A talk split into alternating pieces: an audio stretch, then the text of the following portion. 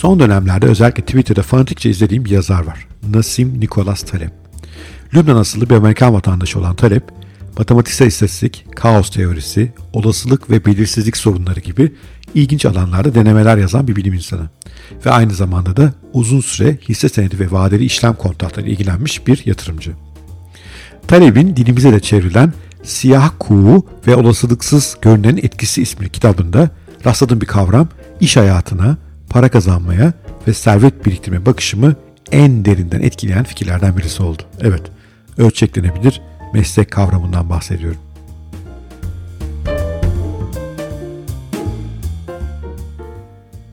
Ölçeklenebilir meslek nedir? Ölçeklenebilir meslek kavramını anlamak için önce ölçeklenemeyen meslekleri anlamamız lazım ki çoğu meslek bu gruba girer.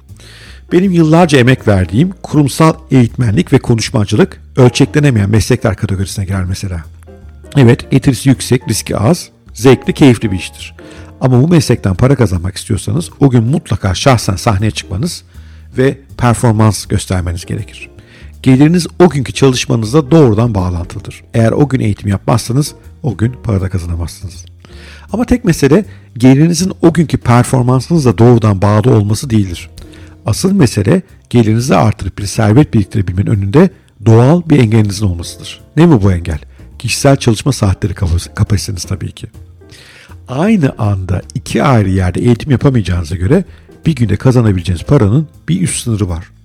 Belki zaman zaman kendinizi zorlayarak bir günde iki eğitim verebilirsiniz. Ama bu kadar yoğun bir çalışma hem sağlığınıza zarar getirir hem de bir süre sonra eğitimlerinizin kalitesi düşer. Belki günlük eğitim fiyatınızı yükseltmeyi düşünebilirsiniz. Bu da bir opsiyon olabilir.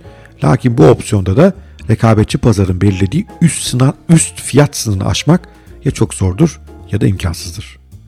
Sunduğum kurumsal eğitmenlik ve konuşmacılık örneğinden yola çıktığımızda ölçeklenemez mesleklerin iki temel özelliği belirginleşiyor.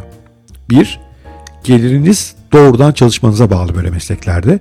Çalışmadığınız zamanlarda para kazanamıyorsunuz. İki, gelirinizin üst sınırı sizin çalışma saatlerinizle limitli. O kapasiteyle sınırlanmış durumda. Fiyatınızı yükseltemediğiniz sürece ki pazar buna çoğu durumda kolay kolay izin vermez. Gelirinizin üst limitine mahkumsunuz. Ölçeklenemez mesleklerin tanımını bu şekilde ortaya koyduğumuzda özet bir sonuca ulaşabiliriz. Mesainizi satarak para kazandığınız mesleklerde servet biriktiremezsiniz. Evet tekrarlıyorum. Mesainizi satarak para kazandığınız mesleklerde servet biriktiremezsiniz. Doktorluktan sahne sanatçılığına, kuaförlükten tesisat tamircine kadar pek çok meslek ölçeklenemez meslekler kategorisine girer. Bu meslekleri icra eden insanlar belki iyi para kazanabilirler, keyifli işler yapıyor olabilirler ama gerçek anlamda bir servet inşa etmeleri çok zordur. Ve maalesef maaşlı çalışmak da kesinlikle ölçeklenemez bir meslektir. Evet, benden farklı olarak belki izin dönemlerinizde de maaşınız yatmaya devam eder. Bu güzel ama sonuçta para kazanmanız tamamen emeğinize bağlıdır. Çok üst pozisyonlarda maaşlar yüksek olmakla beraber bu onların da mesailerini satarak para kazandıkları gerçeğini değiştirmez. CEO'luk bile sonuç itibariyle ölçeklenemez bir meslektir en nihayetinde. Ölçeklenebilir meslekler hangileri? Aslında hepimizin ölçeklenebilir meslekler yaratma ya da ölçeklenemez gibi görünen işimizi ölçeklenebilir bir mesleğe dönüştürme fırsatımız var. Hatta bunu ölçeklenemez mesleğimizi yapmaya devam ederken bile yapabilir, hibrit bir yapı yaratabiliriz. Bu için kaldıraçlardan yararlanmamız ve gelirimiz ile mesai saatlerimiz arasındaki direkt ilişkiyi zayıflatmamız ya da tamamen ortadan kaldırmamız gerekir. Evet, kaldıraçlardan yararlanmamız lazım. Peki ne bu kaldıraçlar? Gelin bir göz atalım. Kullanabileceğiniz, kullanabileceğiniz başlı araçlar şunlar. 1. Sermaye. Mevcut mesleğinizden biriktirebildiğiniz parayı sermayeye dönüştürüp ölçeklenebilir alanlara yatırarak servet elde edebilirsiniz. Benim son yıllarda yüksek teknoloji firmalarına ait hisse senetlerine ve bitcoin'e yatırım yapmam buna bir örnek. Araştırma dışında mesai harcamadığım, yatırımcılıktan kazandıklarım şu andaki servetimin kabaca %75'ini oluşturuyor. Bu kaldıraçtan akılca yararlanmak isteyenler ölçeklenemez mesleklerden elde ettikleri parayı bu tür yatırım alanlarına kaydırmaya başlayarak hibrit bir yapıyla hemen yola çıkabilirler. Ben de hala kurumsal eğitimciye devam ediyorum mesela. Ama buradan gelen paranın büyükçe bir kısmını yatırımlarımda kullanıyorum. Bu sayede bir yandan ölçeklenemez mesleğimden günlük nakit ihtiyaçlarımı karşılarken bir yandan da yatırımcılık gibi ölçeklenebilir bir mesleğin tadını çıkarıyorum. 2. İş gücü. Bir diğer önemli kaldıraç başkanın emeğine ayarlanmaktır. Mesela çok yetenekli bir kuaför yanında başka kuaförleri çalıştırarak mesleğini ölçekleyebilir.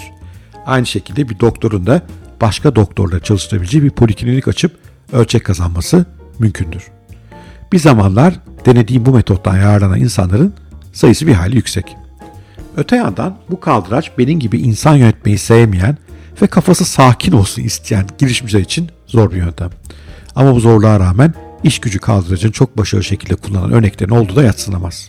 Sanırım bu ülkemizden çıkan ekol denebilecek örnek Acun'dur. Bir zamanlar emeğini büyük kanallara satarak para kazandığı televizyon programcılığı mesleğini bugün büyük bir televizyon kanalının sahipliğine dönüştüren Acun'dan ondan hiç hoşlanmasam bile iş gücü kaldırıcını doğru bir şekilde kullanmak konusunda öğrenecek çok şey var. Yiğidin hakkını iyi de vermek gerekiyor. 3. Kod yazmak. Sanırım yazılımcı olmak ölçeklenebilir mesleklerin en iyisi. Belki de son dönemin, son e, yılların en önemlisi. 3. Kod yazmak.